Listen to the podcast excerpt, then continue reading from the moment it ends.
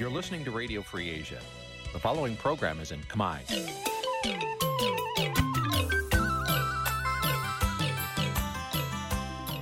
នេះជាកម្មវិធីផ្សាយ Vuthu Azizi Serai នេះជាកម្មវិធីផ្សាយរបស់ Vuthu Azizi Serai ជាភាសាខ្មែរ Vuthu Azizi Serai សូមស្វាគមន៍លោកអ្នកនាងទាំងអស់ពីរដ្ឋធានី Washington នៃសហរដ្ឋអាមេរិក ខ្ញុំបាទយ៉ងច័ន្ទដារាសូមជម្រាបសួរលោកអ្នកនាងអ្នកស្ដាប់វិទ្យុអាស៊ីសេរីទាំងអស់ជាទីមេត្រីបាទខ្ញុំបាទសូមជូនកម្មវិធីផ្សាយសម្រាប់យប់ថ្ងៃសុក្រ11កើតខែកដិកឆ្នាំខាលចត្វាស័កពុទ្ធសករាជ2566បាទដែលត្រូវនឹងថ្ងៃទី4ខែវិច្ឆិកាគ្រិស្តសករាជ2022ជាដំបូងនេះសូមអញ្ជើញអស់លោកអ្នកនាងស្ដាប់ព័ត៌មានប្រចាំថ្ងៃដែលមានមេតិការដូចតទៅ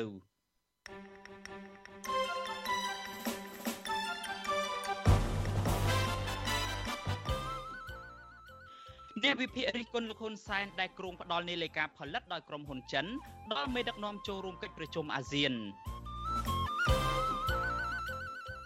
មន្ត្រីសមាគមអាត60សង្ឃឹមថាតុលាការកំពូលនឹងផ្ដល់យុត្តិធម៌ដល់ពួកគេប្រជាពលរដ្ឋចោទថាអាញាធរលាក់បាំងព័ត៌មានករណីប្រជាពលរដ្ឋ5នាក់ស្លាប់ដោយសារពុលថ្នាំបាញ់ចេក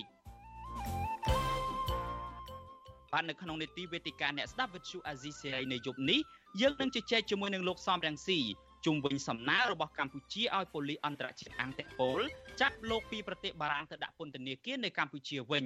រួមនឹងព័ត៌មានសំខាន់សំខាន់មួយចំនួនទៀតបាទជាបន្តទៅទៀតនេះខ្ញុំបាទយ៉ងច័ន្ទដារាសូមជូនព័ត៌មានទាំងនេះពិស្ដាបាទលោកនាងជាទីមេត្រីអញ្ញាធររាជធានីភ្នំពេញបានបំបែកការប្រមូលផ្ដុំរបស់ក្រមស្ត្រីថ្ងៃសុក ដែលឈរតវ៉ាស្រ័យទាមទារយុត្តិធម៌ជូនសមាជិករបស់គ្រួសាររបស់ពួកគេនៅមុខស្ថានទូតសហរដ្ឋអាមេរិកមុនពេលប្រធានាធិបតីអាមេរិកលោកโจ Biden នឹងមកកម្ពុជាចូលរួមកិច្ចប្រជុំកំពូលអាមេរិកអាស៊ាននិងកិច្ចប្រជុំពាក់ព័ន្ធផ្សេងទៀតនៅសប្តាហ៍ក្រោយនេះបាទប្រជាពលរដ្ឋទាំងនោះចាត់ទុកចំណាត់ការរបស់អាជ្ញាធរនេះថាជាការបំបិទសិទ្ធិសេរីភាពនិងបិទបាំងទង្វើអាក្រក់របស់រដ្ឋាភិបាលបាទលោកអ្នកនាងនឹងបានស្ដាប់ព័ត៌មាននេះពឹស្ដានាពេលបន្តិចទៀតនេះ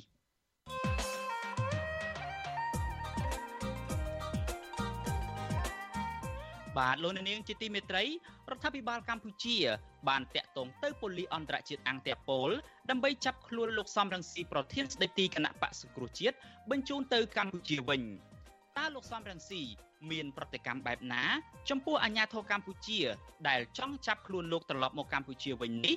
ថាតើប៉ូលីសអន្តរជាតិអង្គតេប៉ូលនឹងអាចចាប់ខ្លួនលោកសំរងស៊ីបញ្ជូនទៅកម្ពុជាវិញតាមការស្នើសុំរបស់រដ្ឋាភិបាលលោកហ៊ុនសែនដែរឬទេ បាទសូមលោកអ្នកនាងរងចាំស្ដាប់នីតិវេទិកាអ្នកស្ដាប់វិទ្យុអាស៊ីសេរីនៅយប់នេះដែលយើងនឹងមានលោកសំរងស៊ីចូលរួមជាវិក្កាមិនកិត្តិយសបាទប្រសិនបើលោកអ្នកនាងចង់សាកសួរឬមួយក៏មានជាការបញ្ចេញមតិយោបល់លោកអ្នកនាងអាចដាក់លេខទូរស័ព្ទរបស់លោកអ្នកនាងនៅក្នុងខ្ទង់ comment Facebook និង YouTube របស់ Vuthu Azizi Serai បាទក្រុមការងាររបស់យើងនឹងហៅទៅលោកអ្នកនាងវិញបាទសូមអរគុណ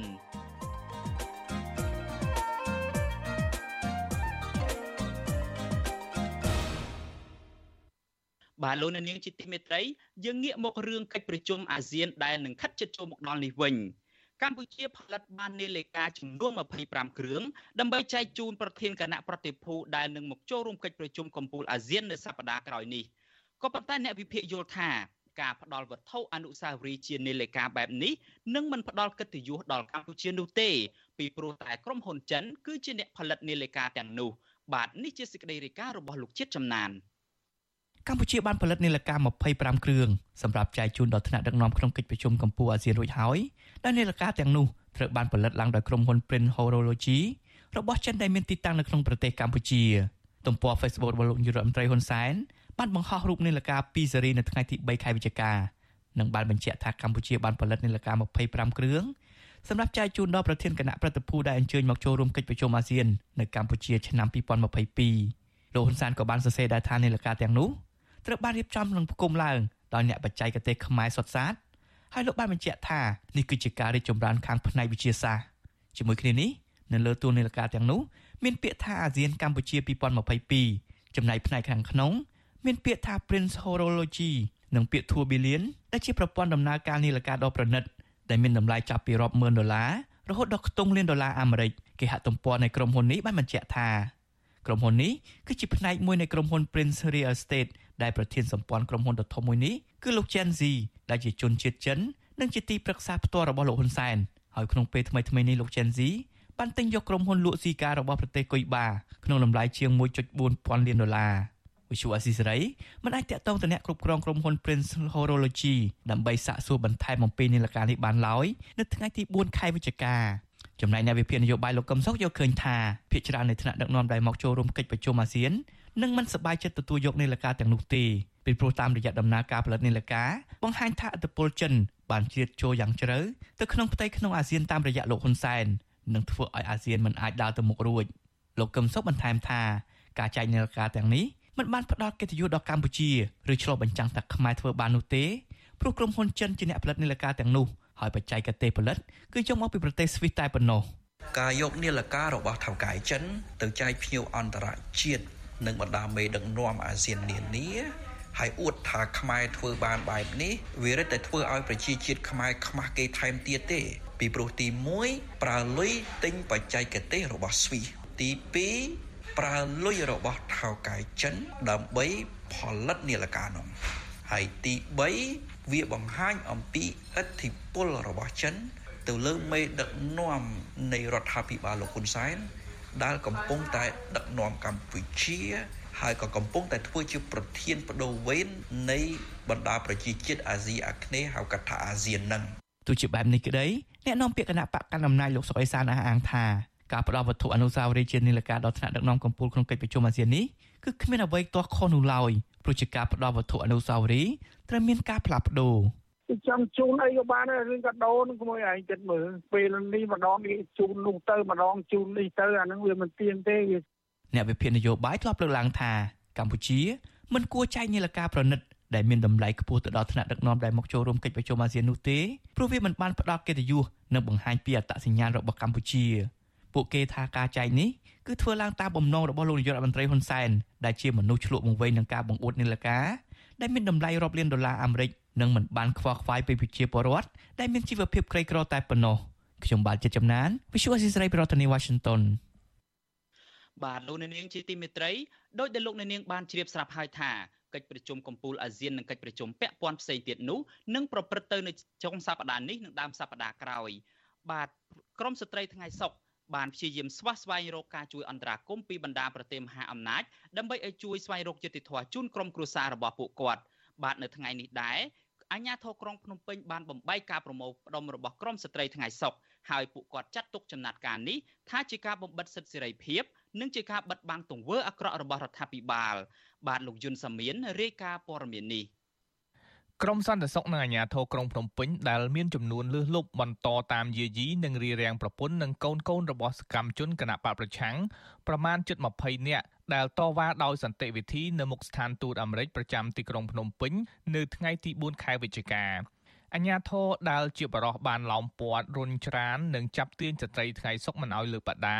និងស្រែកតវ៉ានោះទេប៉ុន្តែมันមានអំពើហិង្សាបណ្ដាលឲ្យអ្នកតវ៉ារងរបួស ប្រពន្ធសកម្មជនគណៈបកសង្គ្រោះជាតិនៅខេត្តស្វាយរៀងដែលកំពុងជាប់ពន្ធនាគារនៅត្រពាំង plong លោកយឹមសារ៉េត គឺលោកស្រីអុកចន្ទធីថាលោកស្រីសោកស្ដាយដែលអាញាធរមិនមានក្រមសីលធម៌និងបំពានច្បាប់លោកស្រីបញ្ជាក់ថាទោះបីត្រូវប្រឈមនឹងការតាមយាយីនិងអំពើហិង្សាពីសំណាក់អាជ្ញាធរនិងក្រមសន្តិសុខយ៉ាងណាក្តីក៏ពួកលោកស្រីមិនរាថយនោះទេក្នុងការធ្វើសកម្មភាពជួយរកយុត្តិធម៌ដល់ក្រុមគ្រួសារកំពុងជាប់ឃុំ នៅតាមបណ្ដាស្ថានទូតនានាពួកយើងស្រែកទៀមទាស្រែកតវ៉ាលើកដាអីហ្នឹងគឺពួកគាត់តែងតែធ្វើគ្រប់សកម្មភាពដើម្បីបង្ក្រាបមកលើពួកខ្ញុំតែម្ដងប្រទេសកម្ពុជាយើងមិនមែនជាប្រទេសដែលមានលទ្ធិប្រជាធិបតេយ្យដោយការអះអាងរបស់អ្នកកាត់អំណាចទេបើសិនជាប្រទេសកម្ពុជាមានលទ្ធិប្រជាធិបតេយ្យពិតប្រាកដមែនណាមិនមែនអាជ្ញាធរឲ្យកងសន្តិសុខគាត់មកប្រើហិង្សាលើពួកខ្ញុំ ស្រដៀងគ្នានេះដែរប្រពន្ធមន្ត្រីគណៈបកសង្គ្រោះជាតិនៅខេត្តត្បូងឃ្មុំម្នាក់ទៀតលោកគង់សំអាន គឺលោកស្រីអៀបសួររៀបរាប់ថាប្តីលោកស្រីនិងសកម្មជនផ្សេងទៀតជាមនុស្សស្អាតស្អំស្មោះត្រង់និងធ្វើការបម្រើប្រយោជន៍ជូនពលរដ្ឋដោយពុំមានទោសកំហុសដោយការចោទប្រកាន់ឡើយលោកស្រីថាការធ្វើដំណើរមកពីតាមបណ្ដាខេត្តមកប្រមូលផ្ដុំគ្នានៅមុខស្ថានទូតសហរដ្ឋអាមេរិកនៅថ្ងៃនេះក្នុងគោលបំណងស្នើសុំឲ្យស្ថានទូតជួយឲ្យពួកលោកស្រី មានឱកាសជួបប្រធានាធិបតីលោក Joe Biden នៅសប្តាហ៍ក្រោយដើម្បីឲ្យជួយអន្តរាគមន៍ទៅរដ្ឋាភិបាលលោកហ៊ុនសែនឲ្យទម្លាក់ចោលការចោទប្រកាន់ហើយដោះលែងគ្រួសារពួកគាត់យើងត្រូវតែឲ្យគេជួយព្រោះគេអាចជួយយើងបានបានយើងខំប្រឹងតាំងពីដើមរហូតដល់ទីបញ្ចប់មិនអាចរៀបថយបានទេខ្ញុំត្រូវតែមកជួបបៃដិនមកខ្ញុំនឹងចង់ជួបគាត់ឲ្យគាត់ជួយ ជួយដោះស្រាយដើម្បីឲ្យកម្មជនយើងចេញទាំងអស់គ្នាស្ថានទូតសហរដ្ឋអាមេរិកមិនបានអនុញ្ញាតឲ្យក្រុមស្ត្រីថ្ងៃសុកចូលជួបនោះទេដោយស្ថានទូតជាប់រវល់ប្រធានាធិបតីអាមេរិកលោកโจ Biden នឹងធ្វើដំណើរមកកម្ពុជាដើម្បីចូលរួមកិច្ចប្រជុំកំពូលអាមេរិកអាស៊ាននិងកិច្ចប្រជុំកំពូលអាស៊ីបូព៌ានៅថ្ងៃទី12ដល់ថ្ងៃទី13ខែវិច្ឆិកាវិទ្យុអាស៊ីសេរីមិនទាន់អាចតាក់ទងអភិបាលរាជធានីភ្នំពេញ លោកខួងស្រេងនិងអ្នកនាំពាក្យស្នងការនគរបាលរាជធានីភ្នំពេញលោកសានសុកសីហាដើម្បីបកស្រាយជុំវិញរឿងនេះបានទេនៅថ្ងៃទី4ខែវិច្ឆិកាប៉ុន្តែប្រធានអង្គភិបអ្នកនាំពាក្យរដ្ឋាភិបាលលោកផៃស៊ីផានចោទក្រមស្ត្រីថ្ងៃសុកថាចេញតវ៉ាដោយខុសច្បាប់ដោយសារពួកគេមិនបានសុំច្បាប់អនុញ្ញាតពីអាជ្ញាធរជាមុនលោកបន្ថែមថាសមត្ថកិច្ចបំបែកស្ត្រីទាំងនោះនៅមុខស្ថានទូតអាមេរិកដើម្បីរក្សាសន្តិសុខសន្តិភាពធ្នាប់សាធារណៈ មុនពេលកម្ពុជាធ្វើជាម្ចាស់ផ្ទះរៀបចំកិច្ចប្រជុំកំពូលអាស៊ានខាងមុខលោកថាស្ថានទូតបរទេសពុំមានសមត្ថកិច្ចដោះស្រាយចំនួនខ្មែរនោះទេហើយលោកជំរុញគ្រួសារសកម្មជនគណៈបកប្រឆាំងងាកមកដោះស្រាយតាមយន្តការផ្លូវច្បាប់វិញពីព្រោះការលើកបដាការទៀមទាវាមិនឆ្លើយតបនឹងនីតិរបស់រដ្ឋឬរបស់ប្រទេសកម្ពុជាទេបើសិនជាមានការមិនពេញចិត្តពីរឿងយុតិធធយើងមានយន្តការសម្រាប់ដោះស្រាយ បើមិនពេញចិត្តនឹងរឿងដំណោះស្រាយរដ្ឋបាលមានដំណោះស្រាយតាមយន្តការរបស់គេក៏ប៉ុន្តែអ្នកទាំងអស់ហ្នឹងមិនដែលគោរពអ្វីតែដែលជាច្បាប់នៃអធិបតេយ្យភាពរបស់កម្ពុជានោះទេផ្ទុយពីការលើកឡើងរបស់មន្ត្រីនាំពាក្យរដ្ឋាភិបាលនេះអ្នកនាំពាក្យសមាគមការពារសិទ្ធិមនុស្សអាត6លោកសឹងសានករណាសង្កេតឃើញថាកន្លងមករដ្ឋាភិបាលមិនបានដោះស្រាយពាក់ព័ន្ធសំណើរបស់គ្រួសារសកម្មជនគណៈបកប្រឆាំងនោះទេ ផ្ទុយទៅវិញពួកគេតែងតែរងការរឹតបន្តឹងនិងចាប់ខ្លួនលោកយល់ឃើញថាបញ្ហានេះនាំឲ្យពួកគេលែងមានជំនឿលើរដ្ឋាភិបាលដោយជ្រើសរើសយកការដាក់ញត្តិស្នើសុំតាមស្ថានទូតបរទេសឲ្យជួយអន្តរាគមន៍ទៅរដ្ឋាភិបាលវិញលោកថាទោះបីដំណោះស្រាយស្ថិតនៅក្នុងដៃរបស់រដ្ឋាភិបាលក៏ដោយប៉ុន្តែប្រទេសម្ចាស់ហត្ថលេខីនៃកិច្ចព្រមព្រៀងសន្តិភាពទីក្រុងប៉ារីសមានសិទ្ធិដើម្បីជំរុញរកដំណោះស្រាយតាមសំណើនោះដែរ។ ស្ថានភាពនយោបាយនេះបានធ្លាក់ចុះដុនដាបនេះវា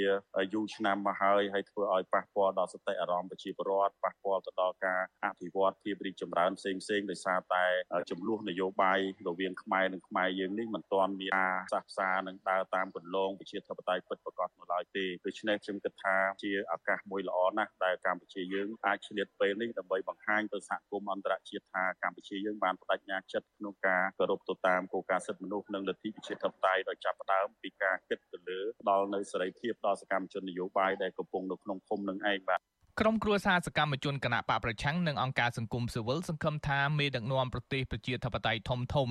ជាពិសេសប្រធានាធិបតីលោកโจ Biden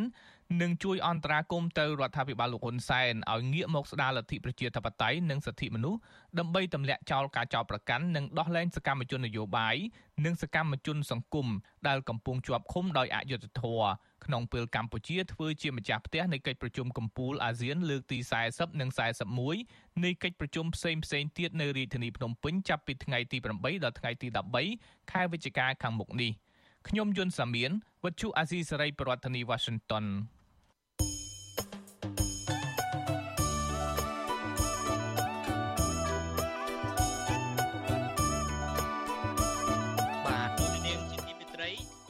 គ្នានឹងស្ដាប់ការផ្សាយរបស់ Vuthu Azizi Siri នៅតាមបណ្ដាញសង្គម Facebook និង YouTube លោកអ្នកនាងក៏អាចស្ដាប់ការផ្សាយរបស់យើងតាមរយៈរលកធាតុអាកាសខ្លី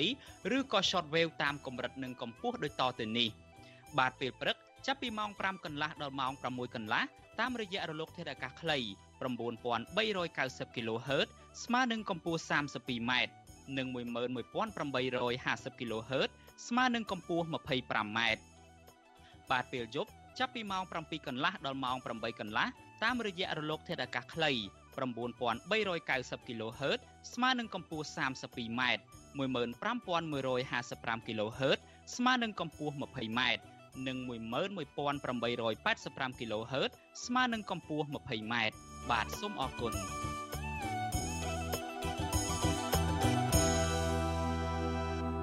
បាទលោកនាងជាទីមេត្រីយើងងាកទៅបញ្ហានៅក្នុងខេត្តកំពង់ចាមឯណោះវិញអញ្ញាធរខេត្តកំពង់ចាមរងការរិះគន់ថាបានលាក់បាំងព័ត៌មាន និងធ្វើរបាយការណ៍ភូតភរកុហកករណីប្រជាពលរដ្ឋ5នាក់បានស្លាប់ និង69នាក់ទៀតត្រូវបញ្ជូនទៅសង្គ្រោះបន្ទាន់សង្ស័យពលថ្នាំបាញ់ជ័យកាលពីពេលថ្មីថ្មីនេះបាទមន្ត្រីអង្គការសង្គមស៊ីវិលទៀមទីឲ្យរដ្ឋាភិបាលបង្កើតគណៈកម្មការស៊ើបអង្កេតករណីនេះដោយឯករាជ្យបាទលោកនៅវណ្ណរិនរាយការណ៍ព័ត៌មាននេះមន្ត្រីសង្គមស៊ីវិលលើកឡើងថាវិធានការមន្ត្រីសង្គមស៊ីវិលលើកឡើងថាមន្ត្រីសង្គមស៊ីវិលលើកឡើងថាវិធានការរបស់រដ្ឋមន្ត្រីក្រសួងមហាផ្ទៃដែលតម្រូវឲ្យស្ថាប័នរដ្ឋនិងឯកជន ត្រូវត្រួតពិនិត្យរោគសារធាតុញៀនចំពោះបុគ្គលិកមុនអនុញ្ញាតឲ្យចូលធ្វើការងារនោះមិនមែនជាយុទ្ធសាស្ត្របង្ក្រាបបទល្មើសគ្រឿងញៀនដោយប្រសិទ្ធភាពនោះឡើយពួកគាត់យល់ថាមានតែអនុវត្តច្បាប់តឹងរឹងដោយចាប់មេខ្លោងជាអ្នកផលិតនិងចែកចាយគ្រឿងញៀនទើបអាចកម្ចាត់ឫសគល់នៃការចរាចរណ៍ជួញដូរគ្រឿងញៀននិងការប្រើប្រាស់ប្រកបដោយប្រសិទ្ធភាពប្រធានសមាគមនិស្សិតបញ្ញវន្តខ្មែរលោកកើតសរាយប្រវត្តិជអាស៊ីសេរីនៅថ្ងៃទី4វិច្ឆិកាថាច្បាប់គ្រប់គ្រងគ្រឿងញៀនដែលកម្ពុជាមានសពថ្ងៃគឺតឹងរឹងស្រាប់ទៅហើយ ក៏ប៉ុន្តែបញ្ហានៅត្រង់ការអនុវត្តមិនតឹងរឹងដោយច្បាប់តែប៉ុណ្ណោះលោកមើលឃើញថាមេខ្លោងជួញដូរគ្រឿងញៀនច្រើនតែជាបុគ្គលមានអំណាចទ្រព្យសម្បត្តិព្រមទាំងមានការខុបខិតគ្នាបើកផ្លូវឲ្យពួកគេរកស៊ីយ៉ាងកក្រឹកកក្រែងបំពេញទៅលើច្បាប់ដែលមានស្រាប់ទៅហើយនោះលោកបន្តថាបើទោះបីជាបង្កើតច្បាប់ថ្មីថ្មីកាន់តែតឹងរឹងបែបណាក៏ដោយក៏មិនអាចបោះសម្អាតគ្រឿងញៀនក្នុងប្រទេសកម្ពុជាបាននោះឡើយប្រសិនបើគ្មានការកម្ចាត់មេខ្លោងជួញដូរនិងលុបបំបាត់អំពើពុករលួយ លោកបន្ថែមថាដើម្បីដោះស្រាយបញ្ហានេះបានលុះត្រាតែក្រសួងពាក់ព័ន្ធបើកការស៊ើបអង្កេតវេកមុខមេខ្លោងធំធំទាំងនោះនិងអ្នកពាក់ព័ន្ធយកមកដាក់ទោសទណ្ឌតាមច្បាប់ជាពិសេសត្រូវរឹតបន្តឹងលើជនអន្តោប្រវេសន៍ដូចជាជនជាតិចិននិងវៀតណាមដែលតែងតែល្បីរឿងជួញដូរគ្រឿងញៀន ចំណុចទី3គឺរដ្ឋបាលខ្លួនឯងផ្ទាល់ត្រូវតែមានឆន្ទៈហ្មងមានឆន្ទៈពិតប្រាកដមិនមែនគាត់ថានិយាយឲ្យទុកចោលនិយាយឲ្យទុកចោលខ្ញុំគាត់ថាទោះមានច្បាប់មិនក៏ដោយក៏គ្មានប្រសិទ្ធភាពដែរទោះក្រសួងប្រឹងធ្វើមិនក៏គ្មានប្រសិទ្ធភាពដល់ណាប់ណារដ្ឋាភិបាលអត់មានការជំរុញហើយយកចិត្តទុកដាក់ឲ្យខ្លាំងលើរឿងហ្នឹងដូច្នេះវានៅតែដដែលមានន័យថាបានតែមកប្រាវទៅក៏ស្ងាត់ទៅវិញទៅហើយអាវត្តល្មើសគ្រឿងញៀនវានៅតែធ្វើចរាចរណ៍ដដែលកាលពីថ្ងៃទី2ខែវិច្ឆិកាកន្លងទៅ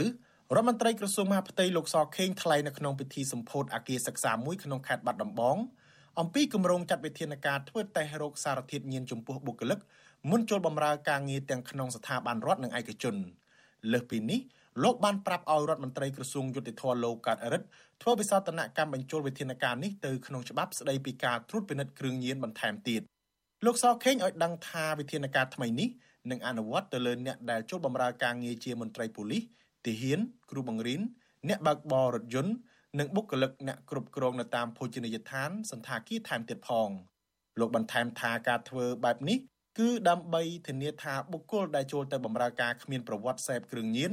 និងគ្មានសារធាតុញៀននៅក្នុងខ្លួនដើម្បីធានាដល់សុវត្ថិភាពនិងសន្តិភាពក្នុងពេលបម្រើការងារលោកបន្ថែមថាការធ្វើតេស្តនេះនឹងត្រូវធ្វើមុនពេលចូលបម្រើការងារនិងបន្ទាប់មកអាចធ្វើតេស្តរៀងរាល់6ខែម្ដងដូច្នេះ នេះក៏ជាវិធានការមួយប្រឆាំងគ្រឿងញៀនដែរអញ្ចឹងបើអញជួគ្រឿងញៀនមានអាណាយកធ្វើអីកើតទេឃើញទេទោះបីបើកឡានឲ្យក្រុមហ៊ុនបានចូលមន្ត្រីរាជការក៏បានអមួយមួយទៀតគឺថាទៅធ្វើការនៅតាមរេស្តូរ៉ង់នៅតាមភោជនីយដ្ឋានសន្តាគារនេះអាចធ្វើតេស្តទាំងអស់ដាក់ច្បាប់នឹងម៉ែនតិចកន្លងមកប្រជាពលរដ្ឋនិងសង្គមស៊ីវិលសង្កេតឃើញថាការអនុវត្តច្បាប់បង្ក្រាបបទល្មើសគ្រឿងញៀនមានភាពធូររលុងនិងមានអំពើពុករលួយ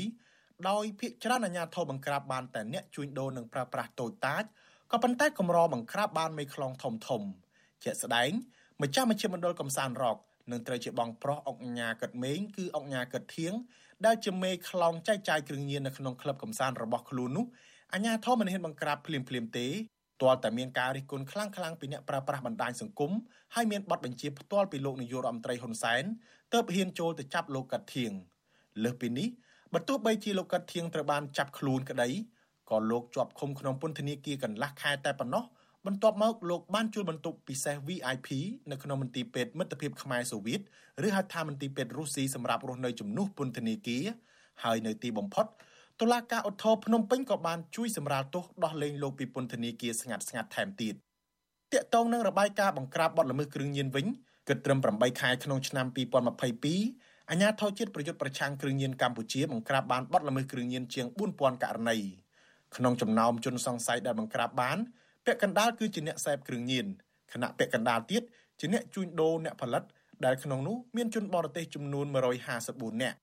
បើទោះបីជាមានការបង្ក្រាបយ៉ាងណាក្តីសកម្មភាពប្រើប្រាស់និងជួញដូរគ្រឿងញៀននៅតែបន្តមានជាហូរហែរហូតដល់ថ្នាក់មានការផលិតថ្នាំញៀននិងរក្សាទុកសារធាតុញៀននៅកណ្ដាលទីក្រុងភ្នំពេញតែម្ដងមន្ត្រីសង្គមស៊ីវិលព្រួយបារម្ភថាប្រសិនបើរដ្ឋាភិបាលនិងក្រសួងពាក់ព័ន្ធ មិនអនុវត្តច្បាប់ឲ្យបានតឹងរឹងទេនោះឈ្មោះខុសច្បាប់ទាំងនោះនឹងបន្តធ្វើសកម្មភាពបន្តទៀតនោះវានឹងបណ្ដាលឲ្យប៉ះពាល់ដល់ធនធានមនុស្សសន្តិភាពធ្នាប់និងសន្តិសុខសង្គមកាន់តែខ្លាំងឡើងខ្ញុំថាថៃពីទីក្រុងមែលប៊នបាទលោកនាងជាទីមេត្រីខ្ញុំបាទសូមអធិស្ឋានចំពោះសេចក្តីរាយការណ៍អំបញ្ញមិញនេះ ព័ត៌មានដែលលោកអ្នកនាងបានស្ដាប់អំបញ្ញមិញនេះគឺជាសេចក្តីរាយការណ៍របស់លោកថាថៃដែលជាអ្នកយកព័ត៌មានរបស់យើងប្រចាំនៅតំបន់អាស៊ីប៉ាស៊ីហ្វិកហើយសេចក្តីរាយការណ៍របស់លោកថាថៃអំបញ្ញមិញនេះគឺតាក់ទងទៅនឹងបញ្ហាគ្រឿងញៀនដែលមន្ត្រីអង្គការសង្គមស៊ីវិលស្នើឲ្យក្រសួងមហាផ្ទៃចាត់វិធានការបង្ក្រាបមេខ្លោងជួញដូរគ្រឿងញៀននិងលុបបំបាត់អំពើពុករលួយជំនួសឲ្យការតាក់តែងច្បាប់ថ្មីតាក់ទងនឹងបញ្ហាគ្រឿងញៀននេះបាទ បាទលោកអ្នកនាងជាទីមេត្រីឥឡូវនេះយើងងាកមកបញ្ហាដែលពាក់ព័ន្ធទៅនឹងអាយុជីវិតរបស់ប្រជាពលរដ្ឋនៅឯខេត្តកំពង់ចាមវិញដដែលគឺថាអាជ្ញាធរខេត្តកំពង់ចាមរិះគន់ថារងការរិះគន់ថាបានលាក់បាំងព័ត៌មាននិងធ្វើរបាយការណ៍ភូតភរកុហកករណីប្រជាពលរដ្ឋ5នាក់ស្លាប់និង69នាក់ទៀតត្រូវបញ្ជូនទៅសង្គ្រោះបន្ទាន់សង្ស័យពុលថ្នាំបាញ់ចេកកាលពីពេលថ្មីថ្មីនេះបាទមន្ត្រីអង្គការសង្គមស៊ីវិលទាមទារឲ្យអាជ្ញាធរស៊ើបអង្កេតករណីនេះឲ្យបានច្បាស់លាស់ បាទលោកនៅវណ្ណរិនរាយការណ៍ព័ត៌មាននេះមន្ត្រីសង្គមស៊ីវិលនិងអាជ្ញាធរមូលដ្ឋានមកពីគណៈបកភ្លើងទៀនប្រកាសមិនទទួលយករបាយការណ៍របស់អាជ្ញាធរខេត្តកំពង់ចាមដែលអះអាងថាកម្មកររបស់ក្រុមហ៊ុនឡុងស្រេងស្លាប់3នាក់និង69នាក់ទៀតត្រូវបញ្ជូនទៅសង្គ្រោះបន្ទាន់ដោយសារតែពុលស្រាពួកគាត់ចាត់ទុករបាយការណ៍នេះជាការកិច្ចវេះមិនទទួលខុសត្រូវបង្កើតឲ្យមានអយុត្តិធម៌ក្នុងសង្គមសម្រាប់ពលរដ្ឋក្រីក្រ ប្រតិកម្មនេះកើតឡើងបន្ទាប់ពីរដ្ឋបាលខេត្តកំពង់ចាមបានបង្ហោះសារតាមបណ្ដាញ Facebook កាលពីថ្ងៃទី3វិច្ឆិកាថាកម្មករធ្វើការក្នុងចំការជែករបស់ក្រុមហ៊ុនឡុងស្រេង ស្ថិតនៅក្នុងភូមិ35ឃុំព្រែកកក់ស្រុកស្ទឹងត្រង់ចំនួន66នាក់ត្រូវបានបញ្ជូនទៅសង្គ្រោះបន្ទាន់នៅមន្ទីរពេទ្យនិង3នាក់ទៀតស្លាប់ដោយសារពុលស្រាកម្រិតធ្ងន់ អាជ្ញាធរបានចែកជូនពលរដ្ឋរងគ្រោះក្នុងមួយគ្រួសារ20ម៉ឺនរៀលនិងសម្ភារៈមួយចំនួនទៀតពលរដ្ឋរងគ្រោះម្នាក់ដែលបញ្ជូនទៅព្យាបាលសង្គ្រោះបន្ទាន់អះអាងថាពួកលោកស្រីពុលថ្នាំបាញ់ជែកដោយសារអាការៈថប់ដង្ហើមតឹងទ្រូងវិលមុខនិងអស់កម្លាំងលោកស្រីបញ្ជាក់ថាពលរដ្ឋរងគ្រោះបាត់បង់អាយុជីវិតសរុប5នាក់ពុំមែនស្លាប់3នាក់នោះឡើយ។ ទីពេទ្យច្រើនណាពូសត្វតែក្មេងៗទេពលថ្នាំហ្នឹងហ៎យក5តប6តបនឹងពលថ្នាំទាំងអស់ទាំងចាស់ទាំងក្មេងនៅហ្នឹងអត់បាត់ទេពូឲ្យពូខ្ញុំសុំលោកឋានបាលជួយខ្ញុំផងនេះអាណិតកូននេះជួយគ្នាផងខ្ញុំសិតតែឈឺតែដេកពេទ្យគេឲ្យ100មកហើយដេកបងសេវាខ្លួនឯងទៀត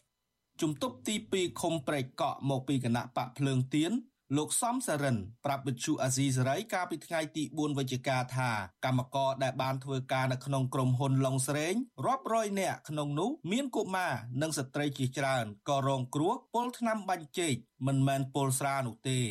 លោកបញ្ជាក់ថាកម្មករទាំងនោះភ ieck ច្រើនមកពីបណ្ដាខេត្តផ្សេងផ្សេងមកធ្វើការដោយប្រើកម្លាំងពលកម្មបដូរយកប្រាក់កម្រៃដើម្បីចិញ្ចឹមក្រពះ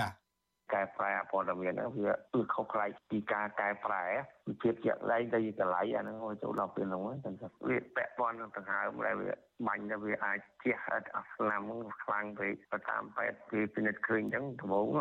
វិទ្យុអាស៊ីសេរីមិនអាចតាក់ទងសុំការបំភ្លឺរឿងនេះពីស្នងការខេត្តកំពង់ចាមទទួលបន្ទុកដឹកនាំក្រុមការងារអធិការឋាននគរបាលស្រុកស្ទឹងត្រង់លោកហេងវុធី និងអធិការស្រុកស្ទឹងត្រង់អែមវឌ្ឍនាបាននៅឡើយទេនៅថ្ងៃទី4ខែវិច្ឆិកានេះ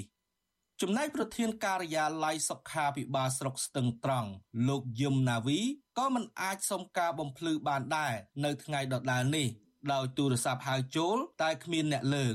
ក៏ប៉ុន្តែលោកយឹមណាវី បានប្រាប់កាសែតក្នុងស្រុកថាក្រោយពីមន្ត្រីសុខាភិបាលបានចុះទៅតាមដាន ដោយយកសំណាក់ស្រាទៅពិនិត្យនៅក្នុងមន្ទីរពិសោធន៍នៅក្នុងរាជធានីភ្នំពេញបង្ហាញថាក្នុងស្រា មានជាតិមេតាណុលកម្រិតខ្ពស់លោកបញ្ជាក់ថាកម្មកររងគ្រោះដោយសារពុលស្រាថ្នាំ ហើយពួកគាត់ មានអាការៈតឹងដើមទ្រូងពិបាកដកដង្ហើម និងឈឺក្បាល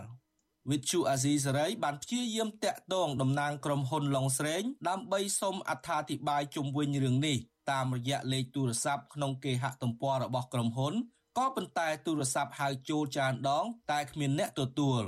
អាជ្ញាធរខេត្តកំពង់ចាមឲ្យដឹងថាក្រុមហ៊ុនឡុងស្រេងបានឧបត្ថម្ភថវិកាជូនកម្មកររងគ្រោះទាំង66នាក់ក្នុងម្នាក់ម្នាក់4សែនរៀលស្មើនឹង100ដុល្លារ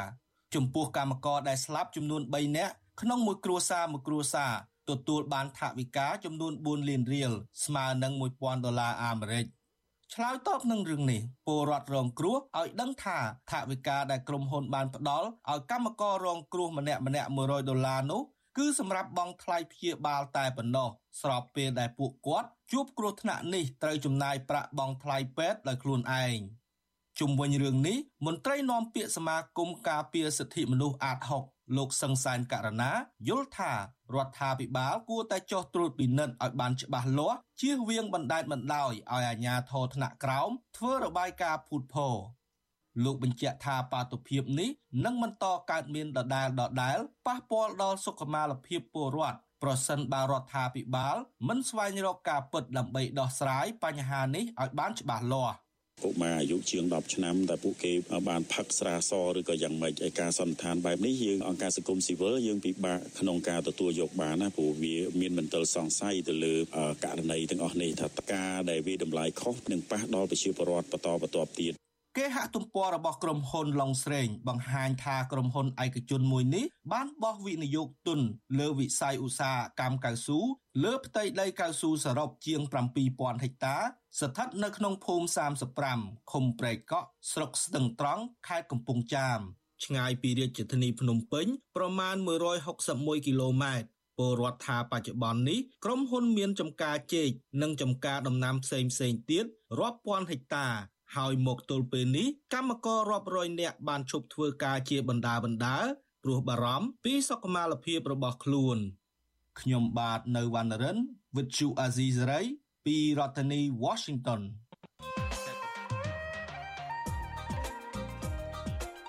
បាទលោកនាងជាទីមេត្រីដូចជាលោកនាងបានជ្រាបស្រាប់ហើយថារដ្ឋាភិបាលកម្ពុជា បានស្នើទៅពលិអន្តរជាតិអង្គតេប៉ូលដើម្បីចាប់ខ្លួនលោកសំរងស៊ីបញ្ជូនមកកម្ពុជាវិញ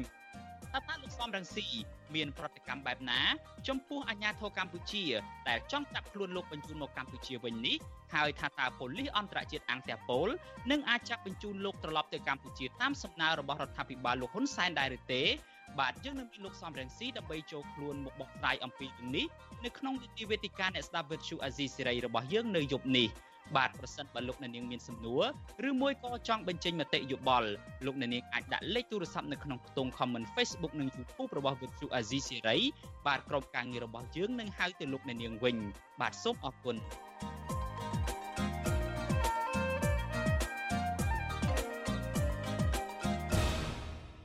បាទលោកនាងជាទីមេត្រីយើងងាកមកចាប់អារម្មណ៍រឿងបញ្ហាតាក់ទងនឹងអាស៊ានដែលនឹងមានកិច្ចប្រជុំកំពូលនៅសប្តាហ៍ក្រោយនេះវិញ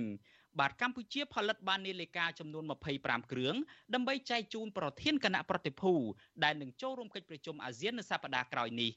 បាទអ្នកវិភាគនយោបាយយល់ថាការផ្ដល់វត្ថុអនុស្សាវរីយ៍ជានាឡិកាបែបនេះនឹងមិនផ្ដល់កិត្តិយសដល់កម្ពុជានោះទេពីព្រោះតែនាឡិកានោះគឺផលិតដោយក្រុមហ៊ុនចិន បាទលោកជាតិចំណានរាយការណ៍ព័ត៌មាននេះ កម្ពុជាបានផលិតនាឡិកា25គ្រឿងសម្រាប់ចែកជូនដល់ថ្នាក់ដឹកនាំក្នុងកិច្ចប្រជុំកម្ពុជាអាស៊ានរួចហើយដែលនាឡិកាទាំងនោះត្រូវបានផលិតឡើងដោយក្រុមហ៊ុន Print Horology របស់ចិនដែលមានទីតាំងនៅក្នុងប្រទេសកម្ពុជា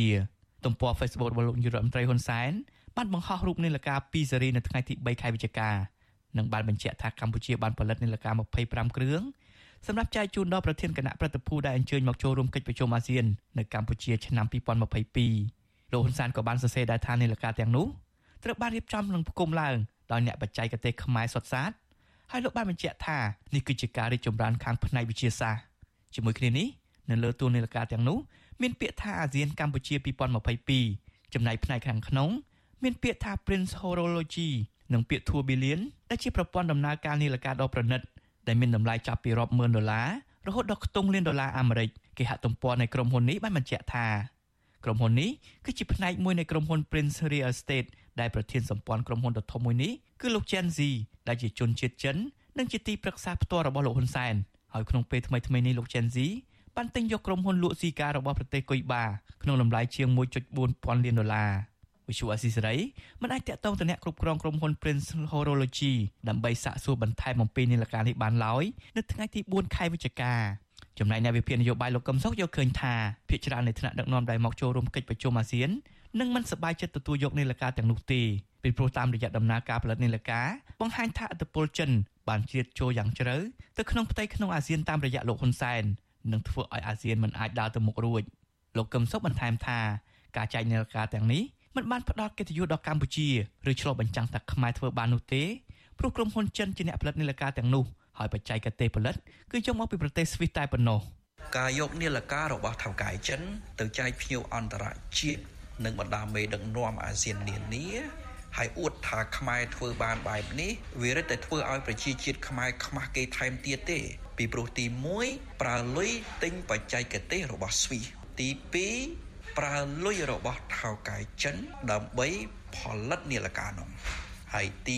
3វាបង្ហាញអំពីឥទ្ធិពលរបស់ចិន ទៅលើមេដឹកនាំនៃរដ្ឋាភិបាលលោកហ៊ុនសែន ដែលកំពុងតែដឹកនាំកម្ពុជាហើយក៏កំពុងតែធ្វើជាប្រធានបដូវវេននៃបណ្ដាប្រជាជាតិអាស៊ីអាគ្នេយ៍ហៅកាត់ថាអាស៊ាននឹងទោះជាបែបនេះក្តីអ្នកនាំពាក្យគណៈបកកណ្ដាលអំណាចលោកសុកអេសានអះអាងថាការផ្ដល់វត្ថុអនុស្សាវរីយ៍ជានីលការដល់ថ្នាក់ដឹកនាំកម្ពុជាក្នុងកិច្ចប្រជុំអាស៊ាននេះគឺគ្មានអ្វីទាស់ខុសនោះឡើយព្រោះជាការផ្ដល់វត្ថុអនុស្សាវរីយ៍ត្រូវមានការផ្លាស់ប្ដូរ ចាំជូនអីក៏បានដែររឿងកាដូនឹងក្មួយឯងគិតមើលពេលនេះម្ដងនេះជូននោះទៅម្ដងជូននេះទៅអានឹងវាមិនទៀងទេអ្នកវិភាគនយោបាយធ្លាប់លើកឡើងថាកម្ពុជា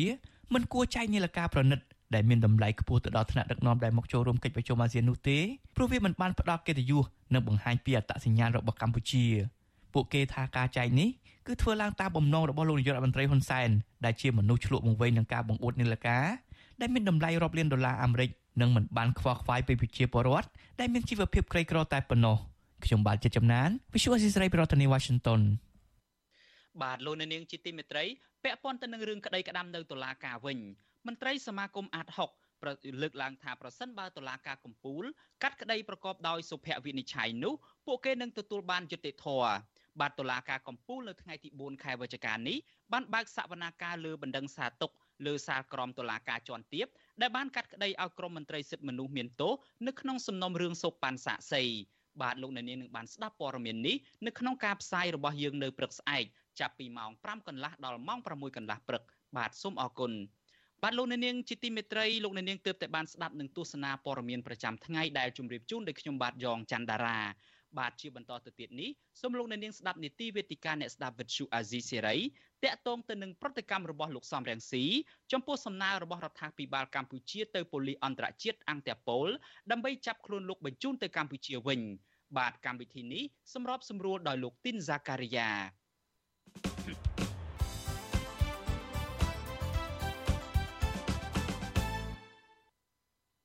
បាទខ្ញុំបាទទីនហ្សាការីយ៉ាសូមជម្រាបសួរលោកនាងទាំងអស់ជាទីគោរពរាប់អាន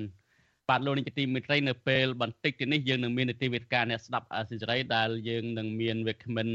លោកសំរងស៊ីដែលជាប្រធានស្ដីទីគណៈបកសង្គ្រោះជាតិមកធ្វើជាវិក្កាមិនកិត្តិយសតែម្ដងហើយយើងចង់ដឹងថាតើលោកសំរងស៊ីមានប្រតិមានប្រតិកម្មបែបណានៅក្រៅពេលដែលរដ្ឋាភិបាលកម្ពុជា បានតាក់ទងទៅនឹងប៉ូលីសអ៊ីនទីប៉ូលឬក៏ប៉ូលីសអន្តរជាតិដើម្បីចាប់ខ្លួនលោកបញ្ជូនទៅកម្ពុជាវិញនោះ បាទមុននឹងយើង មាននីតិវិទ្យាអ្នកស្ដាប់អាស៊ីសេរីនៅពេលបន្តិចទៀតនេះយើងមានអ្នកជំនាញផ្នែកច្បាប់មួយរូបគឺលោកបនច័ន្ទឡូតដើម្បីឲ្យលោកមកបញ្យល់ថាតើករណីលោកសំរងស៊ីនេះប៉ូលីសអន្តរជាតិឬក៏អ៊ីនតឺប៉ូលនឹងអាចចាប់បញ្ជូនលោកទៅកម្ពុជាវិញបានដែរទេ បាទយើងភ្ជាប់លោកបានហើយខ្ញុំបាទសូមជម្រាបសួរច័ន្ទឡូតបាទជម្រាបសួរលោកទីការិយាបាទបាទអរគុណណាស់ដែលច័ន្ទឡូតបានចូលរួមនៅពេលនេះ បាទមុននឹងខ្ញុំសួរទៅច័ន្ទលូតខ្ញុំចង់សង្ខេបអំពីព័ត៌មានបន្តិចតកតងទៅនឹងប៉ូលីសអន្តរជាតិ Interpol នេះទៅជាអ្វីបាទប៉ូលីសអន្តរជាតិ Interpol គឺជាអង្គការប៉ូលីសអក្រិតកម្មអន្តរជាតិដែលជាអង្គការអន្តររដ្ឋាភិបាលហើយមានការិយាល័យធំនោះគឺនៅទីក្រុងលីយ៉ុងប្រទេសបារាំងតែម្ដងហើយប៉ូលីសអន្តរជាតិនេះ គឺមានរដ្ឋជាសមាជិកទាំងអស់ចំនួន195ប្រទេស ការងាររបស់ប៉ូលីសអិនតេប៉ូឬក៏ប៉ូលីសអន្តរជាតិនេះគឺជាគឺជាគឺជួយប៉ូលីសនៅក្នុងប្រទេសរដ្ឋជាសមាជិកទាំងអស់អឺហើយធ្វើការរួមគ្នាសហការគ្នាដើម្បីឲ្យពិភពលោកមានសុវត្ថិភាពហើយការសហការគ្នារវាងប៉ូលីសអន្តរជាតិ Interpol ហើយនិងប៉ូលីស Interpol នៅក្នុងប្រទេសរដ្ឋជាសមាជិកទាំងអស់ហ្នឹងគឺគេធ្វើការងារ7ថ្ងៃ24ម៉ោងតែម្ដងមានថាធ្វើការ24ម៉ោងរយៈពេលពេញមួយសប្តាហ៍7ថ្ងៃតែម្ដងអត់មាន ជប់សម្រាប់ទេហើយដើម្បីឲ្យពិភពលោកមានសវត្ថភាពហ្នឹងគឺថាគេត្រូវចែករំលែកទិន្នន័យពីគ្នាទៅវិញទៅមករវាងប្រទេសនីមួយៗជាសមាជិកហ្នឹងអំពីមុខសញ្ញាជនអក្រិតជនល្មើសដែលគេតាមចាប់ខ្លួនហ្នឹងបាទហើយការដែលគេចាប់ខ្លួនទៅលើជនអក្រិតណាមួយហ្នឹងគឺគេចេញនិវេតក្រហមនិវេតក្រហមហ្នឹងគឺជាការស្នើឡើងដើម្បីអនុវត្តច្បាប់នៅទូទាំងពិភពលោកហើយដើម្បីកំណត់ទីតាំងជនដែលត្រូវចាប់ខ្លួននោះ នៅក្នុងប្រទេសនីមួយៗហ្នឹងបាទហើយបញ្ហាមួយទៀតដែលបទល្មើសដែលគេកំណត់ទៅចាប់ខ្លួននៅក្នុងស្ថាប័នប៉ូលីសអន្តរជាតិ Interpol គឺមានច្រើននោះជិត20បទល្មើសមានប្រមាណជា18បទល្មើសប៉ុន្តែក្នុងចំណោមបទល្មើសជិត20នេះគឺបទល្មើសនយោបាយគឺគេមិនបានចែងកំណត់ថាទិសដៅត្រូវចាប់ខ្លួនអ្វីនោះទេហើយបទល្មើសសំខាន់ដែលគេអាចចាប់បុគ្គលនឹងបានហ្នឹងដូចជា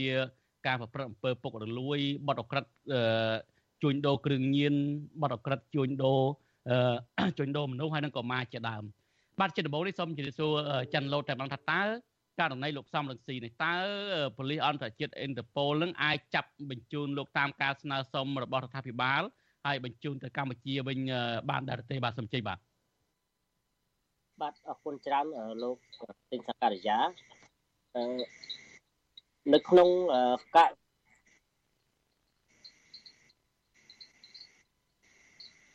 បាទពីសួរលោកទិញសការីយ៉ាបាទសូមជើញបាទសូមជើញចាំលុតខ្ញុំលើទៅបាទសូមជើញខ្ញុំដូចឮសំឡេងឡងបាទអឺមិនអីទេលើច្បាស់ទេសូមជើញបាទអូខេបាទនៅនៅក្នុងករណីនេះយើងតែដឹងថាកម្ពុជាក៏ជាសមាជិកមួយនៃការស្ថាប័នអន្តរជាតិមួយហ្នឹងហើយក្នុងនោះផងដែរ កម្ពុជាក៏បានធ្វើច្បាប់ស្ដីពីបច្ចាប័នហ្នឹងជាមួយបណ្ដាប្រទេសជាច្រើនដូចជានៅក្នុងអាស៊ានកម្ពុជាប្រទេសជុំវិញកម្ពុជា មានឡាវមានថៃមានវៀតណាមគឺកម្ពុជាក៏បានធ្វើបច្ចាប័ននៅក្នុងការចាប់បញ្ជូនអ្នកទោសទៅវិញទៅមកអញ្ចឹងណាហើយនៅក្នុងនោះមានដូចជាបារាំងមានដូចជាកូរ៉េមានរុស្ស៊ីមានចិនអីជាដើមហ្នឹងបាទចឹងនៅក្នុងការធ្វើបច្ចុប្បន្ននោះដោយលោក ទិញសកលយាបានលើកឡើងអញ្ចឹងគឺគោលដៅទី1ដើម្បីលុបបំបាត់នៅអ ுக ្រិតកម្មឆ្លងដែនណាឬក៏ការប្រឆាំងការជួញដូរមនុស្សឬក៏ហេរញ្ញប្បទានខុសច្បាប់ឬក៏អំពើពុករលួយហ្នឹងហើយនៅក្នុងគោលដៅនៃការធ្វើបច្ចុប្បន្ននោះគឺដើម្បីធានាថាវាគ្មានទេនៅនិតន្តភាពឬក៏ជនឧក្រិដ្ឋទាំងអស់ហ្នឹងគាត់អាចមានឱកាសនៅក្នុងការកិច្ចផុតពីសំណាញ់ច្បាប់ ឧទាហរណ៍ថាគាត់បានជាជនជាតិកម្ពុជាជនជាតិខ្មែរគាត់បានប្រព្រឹត្តបទល្មើសណាមួយ ជាបទប្រមទ័នហើយគាត់អាចកិច្ចទៅក្រៅប្រទេសដើម្បីកិច្ចចេញពីសំណាញ់ច្បាប់កម្ពុជាអាហ្នឹងគឺមិនថាគឺមិនអាចទេហើយក្នុងគោលដៅដូចខ្ញុំបានបញ្ជាក់ចឹងប៉ុន្តែនៅក្នុងក៏មានករណីពិសេសឬក៏ហៅករណីដឹកឡើងនៅក្នុងពាក់ព័ន្ធទៅនឹងផ្នែកនយោបាយឬក៏ តកតងបើសិនជាពិនិត្យទៅឃើញថាមានការរើសអើងផ្នែកនយោបាយពូជសាសន៍ឬក៏និន្នាការអីផ្សេងៗហ្នឹងឬក៏ការកាត់ទោសដោយកំបាំងមុខបើសិនជារដ្ឋដែលទទួលសំណើហ្នឹងគាត់ពិនិត្យមើលឃើញថារដ្ឋដែលស្នើសុំដើម្បីធ្វើបច្ចុប្បន្ននៃបុគ្គលណាមួយដែលខ្លួនបានចាត់ប្រកាន់វាស្ថិតនៅក្នុងលក្ខខណ្ឌដូចខ្ញុំបានលើកឡើងហ្នឹងដូច្នេះគេមិនអាចធ្វើបច្ចុប្បន្នបានទេបាទ ជារួមដោយឡែកនៅក្នុងករណីកម្ពុជាដូចយើងឃើញថាមាននៅអ្នកនយោបាយច្រើនដែលបានភៀសខ្លួនឬក៏នីតិខ្លួនទៅនៅក្រៅប្រទេសដោយកិច្ចចេញពីការចាត់ប្រកាន់នៃតុលាការកម្ពុជាហើយក្នុងនោះផងដែរក៏មានអេដាមសំសំស៊ីមរូបដែលកំពុងតែទទួលរងនៅបណ្ដឹងច្រើនហើយក្នុងនោះផងដែរខ្ញុំសូមបញ្ជាក់ថាទោះបីជាយើងមានច្បាប់ស្តីពីការធ្វើបច្ចុប្បន្នក៏ដោយប៉ុន្តែមិនមែនមានន័យថា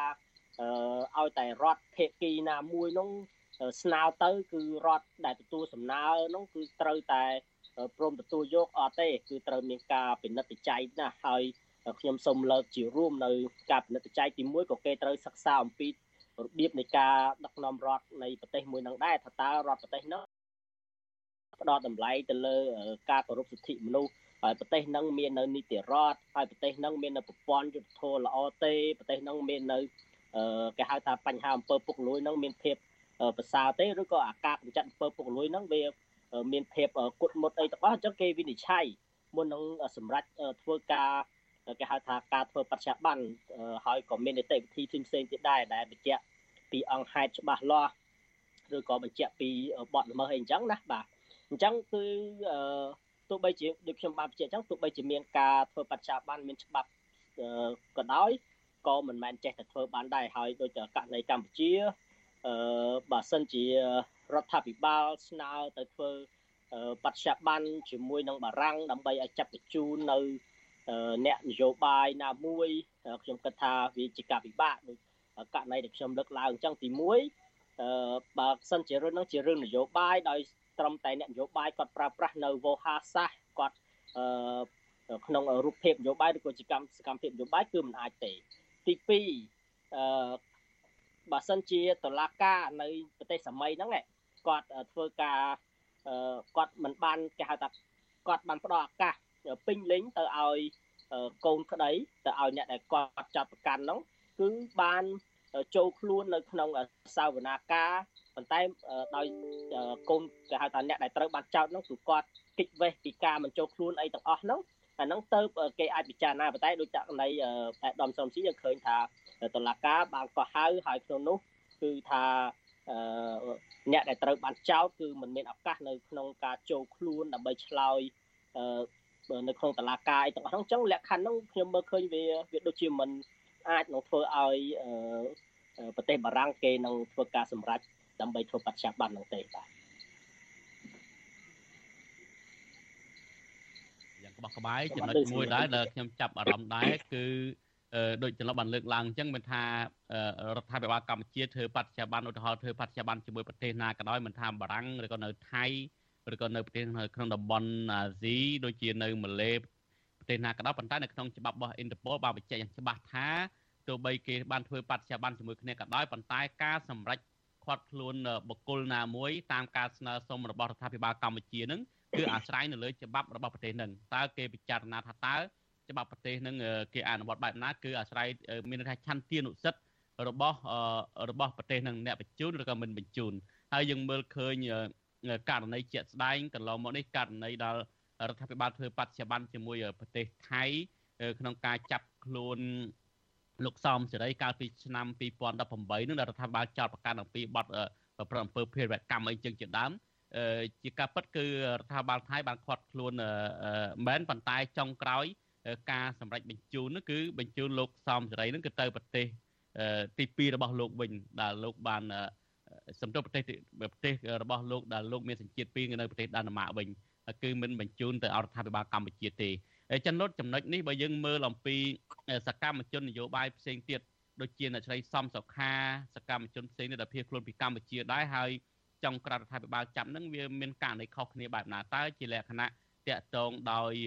ប៉ូលីសអ៊ីនតឺប៉ូលឬក៏ជាបច្ចុប្បន្នរវាងរដ្ឋាភិបាលនិងរដ្ឋាភិបាលកម្ពុជា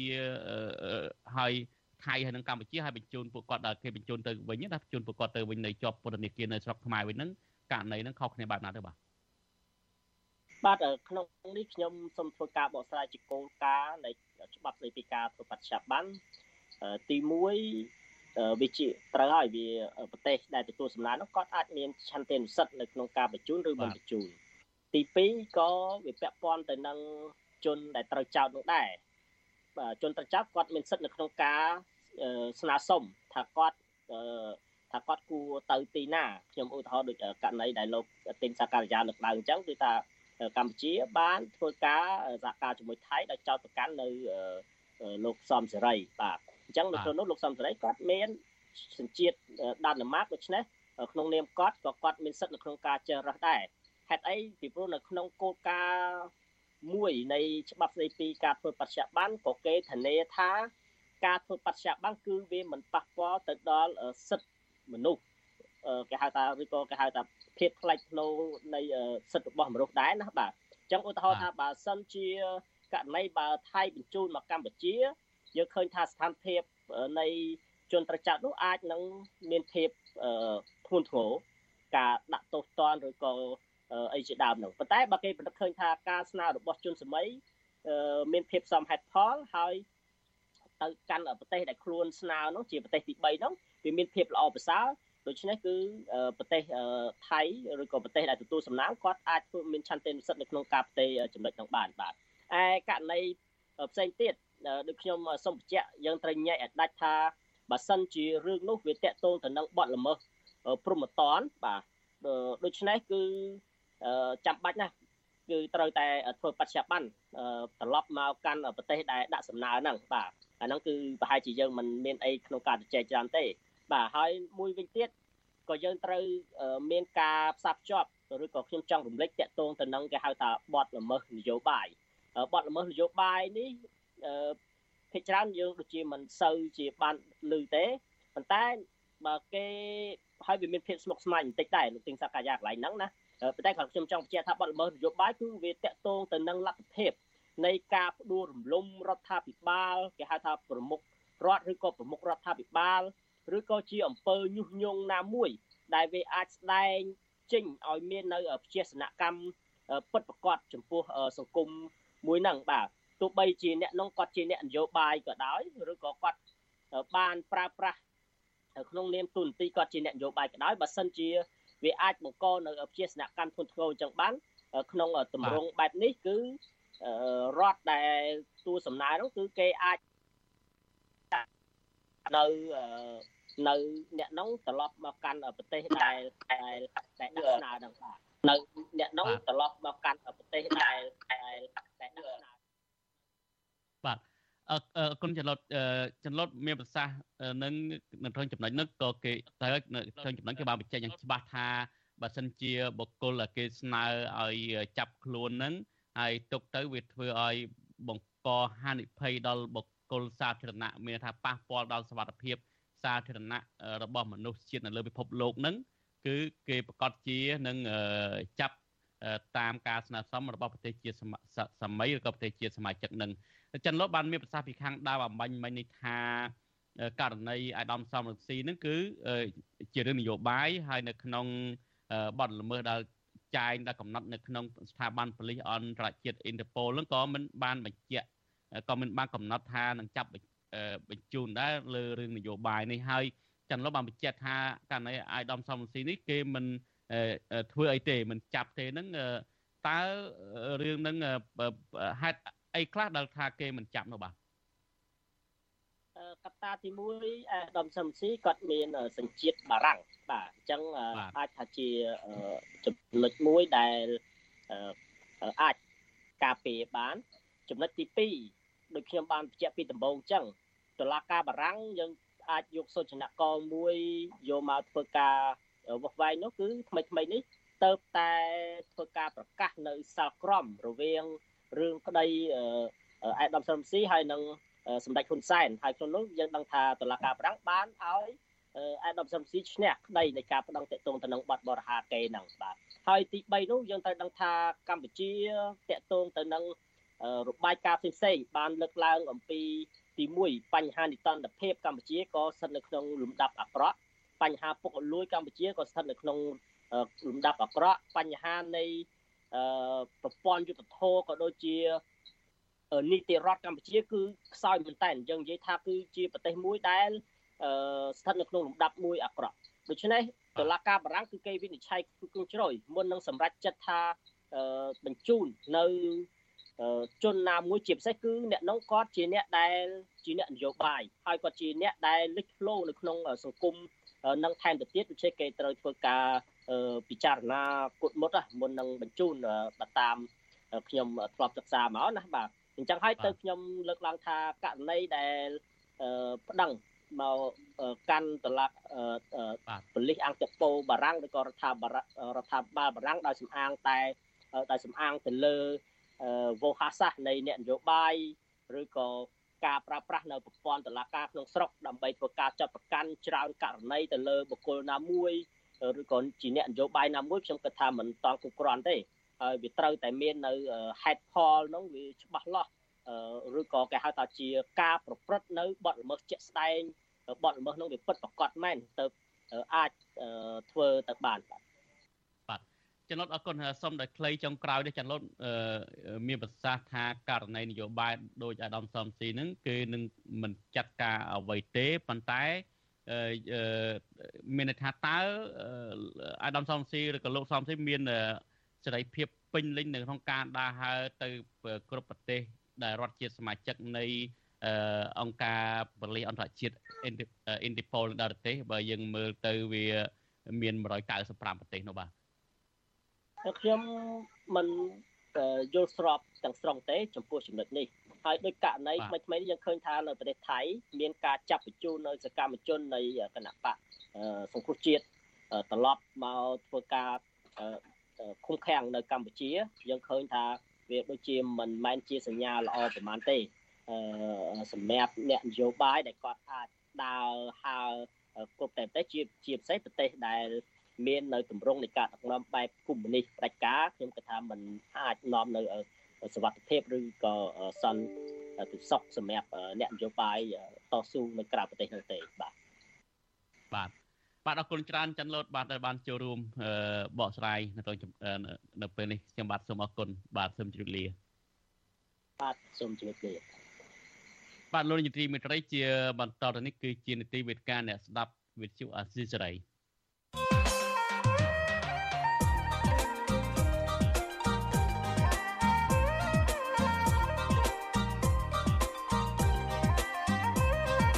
វេទិកាអ្នកស្ដាប់វិទ្យុអាស៊ីសេរី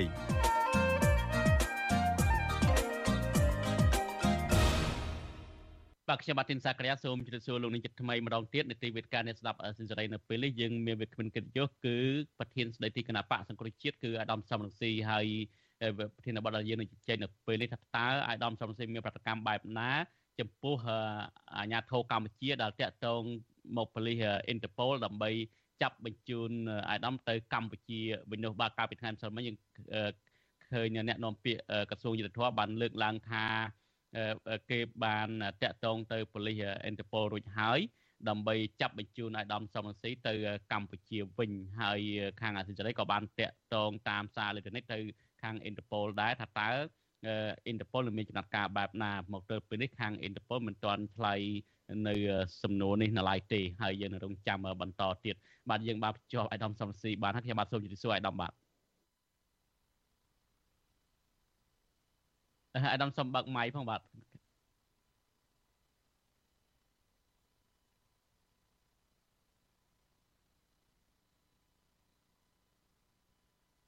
អឺខ្ញុំនៅតែមិនទាន់លឺអាយដាមបាទដូច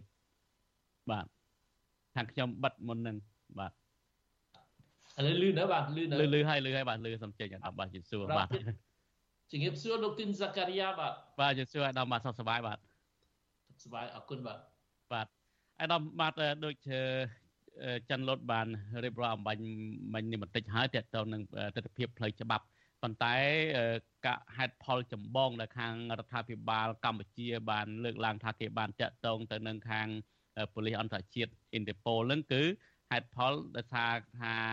គេព្រួយបារម្ភអំពីសកម្មភាពរបស់អាយដាមតាក់ទងនឹងការប្រមាថព្រះមហាក្សត្រអីចឹងជាដើមហើយគេទៀមទាឲ្យនាំអាយដាមទៅកម្ពុជាវិញអាយដាមជាសំណួរដំបូងតើអាយដាមមើលឃើញបែបណាដែលរដ្ឋាភិបាលចង់ចាប់ខ្លួនអាយដាមទៅកម្ពុជាវិញនេះបាទអាយដាមមានប្រតិកម្មបែបណាសុំតិចបាទខ្ញុំយល់ឃើញថានេះជាឱកាសមួយដ៏ល្អ ដើម្បីយើងពន្យល់ពីអ្វីដែលហៅថាសង្គ្រាមចិត្តសាស្ត្រសង្គ្រាមចិត្តសាស្ត្រហ្នឹងគឺការប៉ុនប៉ងបង្វែរអារម្មណ៍ពីបញ្ហាពិតមួយ គេបង្វែរឲ្យយើងទៅចាប់អារម្មណ៍រឿងមិនពិតឬរឿងអត់បានការនឹងហើយជាល្បិចអ្នកធ្វើនយោបាយខលខូចណាបើគេប្រឈមមុខនឹងបញ្ហាអីមួយដ៏ធ្ងន់ធ្ងរសម្រាប់គេ ធ្វើឲ្យគេខូចខាតផលប្រយោជន៍ឲ្យគេបាត់បង់កិត្តិយសដូច្នេះគេត្រូវតែលើករឿងមួយដើម្បីមកលុបរឿងអ្វីដែលគេកំពុងតែប្រឈមមុខរឿងពិតគឺលោកហ៊ុនសែនគាត់ទើបតែអាម៉ាស់អាម៉ាស់ធ្ងន់ណាស់នៅចំពោះមុខតឡាការបារាំងដោយសារគាត់ចាញ់ក្តីខ្ញុំបាទហើយរឿងហុំជាងនេះទៅទៀតគឺលោកហ៊ុនសែនខ្លួនឯងណា គាត់ប្រឈមមុខនឹងការចាប់ចាប់ខ្លួនដោយប៉ូលីសអ៊ីនតាប៉ូលតាមសំណើរបស់តឡាការបារាំងនេះជារឿងពិតអញ្ចឹងហើយបានទន្ទឹមគ្នានេះទៅទីក្រុងភ្នំពេញគាត់ឲ្យក្រសួងយុទ្ធភ័ពអីគាត់នោះលើករឿងមួយ ដែលជារឿងអត់បានការជារឿងខ្ចោលសុទ្ធដើម្បីបង្វែរអារម្មណ៍ថាឥឡូវគេចង់ចាប់សំរងស៊ីតែមែនទែនគេចង់ចាប់ហ៊ុនសែនទេ គេយកហ៊ុនសែនទៅកាត់ទោសហ្នឹងឯងគេហៅថាសង្គ្រាមចិត្តសាស្ត្រជួនកាលយើងមិនសូវយល់យើងទៅបកស្រាយអារឿងផ្ដេសផ្ដាស់អារឿងអត់បានការដែលគេលើកឡើង ដើម្បីបិទបាំងអារឿងពិតប្រកបដែលជនផ្ដាច់ការហ៊ុនសែននិងបកពួកគាត់ កំពុងតែព្រួយបារម្ភឥឡូវរឿងពិតខ្ញុំចង់បញ្ជាក់ឲ្យច្បាស់នៅឆ្នាំ2023នេះមានរឿងសំខាន់ណាស់នឹងកើតឡើង ទី1ច្បាស់គឺគេនឹងកាត់ទោស លោកហ៊ីងប៊ុនហៀងនិងលោកហ៊ុយពិសិដ្ឋពីបទរៀបចំអំពើភេរវកម្មនៅទីក្រុងភ្នំពេញថ្ងៃ30មីនាឆ្នាំ1997អានឹងច្បាស់ហើយសេចក្តីសម្រេចរបស់តឡាការគឺចេញឲ្យចាប់ពីអ្នកហ្នឹងយកមកកាត់ទោសតែបើពីអ្នកហ្នឹងអត់មកក៏ត្រូវកាត់ទោសកំបាំងមុខដែរអានោះជារឿងពិតដែលมันអាចប្រកែកបាននៅឆ្នាំ2023 រឿងពិតមួយទៀតដែលយើងដឹងពីស្រុកខ្មែរមកគឺលោកហ៊ុនសែនគាត់ចង់ផ្ទេរអំណាចឲ្យកូនគាត់ផ្ទេរអំណាចឲ្យកូនគាត់គឺគាត់ត្រូវតែចោះចេញពីតំណែងជានាយករដ្ឋមន្ត្រី ពេលហ្នឹងគេចាប់លោកហ៊ុនសែនដែរព្រោះមែនតើត្រូវចាប់ហ៊ុនសែនទន្ទឹមនឹងហ៊ីងប៊ុនហៀងនិងហ៊ុយពិសិដ្ឋតែដោយសារហ៊ុនសែនគាត់មានអភ័យឯកសិទ្ធិការទូត បារាំងហៅថា immunité diplomatique អានោះជាទម្លាប់ជាច្បាប់យើងហៅថាជាច្បាប់អន្តរជាតិគេមិនអាចចាប់បុគ្គលណាដែលមានទួនាទីមានតំណែងជាប្រមុខរដ្ឋឬប្រមុខរដ្ឋាភិបាលប្រមុខរដ្ឋាភិបាលឬនាយករដ្ឋមន្ត្រីគឺដូចគ្នាទេតឡាការបារាំងចេញពីការចាប់ហ៊ុនសែនហើយតែរដ្ឋាភិបាលបារាំងរំលឹកឲ្យតឡាការបារាំងថាចាប់អត់ទាន់បានទេតើតហ៊ុនសែនគាត់ចុះចេញពីតំណែងជានាយករដ្ឋមន្ត្រីសិនទើបចាប់គាត់ អញ្ចឹងនៅឆ្នាំ2023ណាបើអ្វីដែលលោកហ៊ុនសែនគាត់អះអាងគាត់ប្រកាសគាត់ថាគាត់នឹងចុះចេញពីតំណែងឲ្យកូនគាត់គាត់ចុះចេញពេលណាគឺ Interpol គឺប៉ូលីសអន្តរជាតិនឹងចាប់ហ៊ុនសែនពិតប្រាកដជាក់ស្ដែងបន្ទាប់ពីបានចាប់ហ៊ីងវុនហៀងនិងហ៊ុយពិសិដ្ឋនឹងជារឿងពិតដែលធ្វើឲ្យហ៊ុនសែនគាត់ព្រួយបារម្ភគាត់គាត់អាម៉ាស់អញ្ចឹងបើគាត់លើកឡើងថាឥឡូវមកចាប់សំរាំងស៊ីអីណាវិញឆ្កយទៅអាហ្នឹងជាសង្គ្រាមចិត្តសាស្ត្របាទបាទ អរគុណច្រើនបាទបាទលោកនាយកទីមេត្រីចាប់ពីម៉ោង8កន្លះនាពេលបន្តិចទៀតនេះលោកនាងដែលកំពុងតែស្ដាប់តាមវិទ្យុនឹងនឹងមិនលឺការផ្សាយរបស់យើងទៀតទេសម្រាប់លោកនាងដែលកំពុងតែទស្សនាតាម Facebook YouTube សូមអញ្ជើញបន្តជាមួយយើងទស្សនាបន្តទៀតដែលយើងនឹងជជែកអំពីករណីរដ្ឋាភិបាលកម្ពុជាស្នើឲ្យប៉ូលីសអ៊ីនតឺប៉ូលឬក៏ប៉ូលីសអន្តរជាតិហ្នឹងគឺចាប់បញ្ជូនឲ្យដំសំសេទៅកម្ពុជាវិញឯនោះមានប្រសាសន៍ថា អ្វីដែលអាជ្ញាធរកម្ពុជាធ្វើបែបនេះគឺជាការបាត់បង់ឬក៏ការបង្វែរព្រឹត្តិការណ៍ដែលតឡាកាបារាំងបានចេញនៃការចាប់បញ្ជូនអង្គរៈលោកហ៊ុនសែនពីររូបគឺលោកហ៊ីមុនហៀងនិងហ៊ុយពិសិដ្ឋទៅវិញទេហើយអាដាមមានប្រសាសន៍ថាតឡាការបារាំងនឹងចាប់លោកហ៊ុនសែនថែមទៀតក្រោយពីលោកអស់ពីអំណាចអាដាមអាដាមមានប្រសាសន៍មិញថានៅឆ្នាំ2023ហ្នឹងតឡាការបារាំងនឹងបើកសវនាការ នឹងតើអាចបញ្ជាក់បានទេបើកនៅពេលណាខែណាថ្ងៃណាបាទអាស្រ័យការកំណត់ការបរិច្ឆេទពីសំណាក់ចៅក្រមចៅក្រមបានសេចប្រកាសហើយថាត្រូវយកពីអ្នកនោះមកកាត់ទោសចេញពីការចាប់តែបើពីអ្នកនោះនៅសងំនៅស្រុកខ្មែរអត់ហ៊ានចេញទេប៉ុន្តែហ៊ានចេញមកប្រទេសដែលមានលទ្ធិប្រជាធិបតេយ្យគឺ Interpol នឹងចាប់ យកមកកាត់ទោសក្នុងអំឡុងឆ្នាំ2023គេមិនទាន់កំណត់ខែណាថ្ងៃណាទេប៉ុន្តែច្បាស់ជាឆ្នាំ2023ក៏មិនអាចអស់បន្លាយយូរពេកដែរអញ្ចឹងគឺយ៉ាងហោចណាស់2នាក់ត្រូវឡើងតឡាការដើម្បីកាត់ទោសហើយអាចមានមនុស្សម្នាក់ទៀតមនុស្សទី3គឺហ៊ុនសែនពេលណាហ៊ុនសែនបាត់ចោះចេញពីតំណែងនឹងប្រឈមមុខនឹងការកាត់ទោសចំពោះមុខ តឡាការបារាំងពីបទអូក្រិតហើយអមាញ់មិញនេះលោកទីនសាការីយ៉ាជាមួយវាគ្មិនមុនមុននោះបានលើកពីទួលនីតិ Inter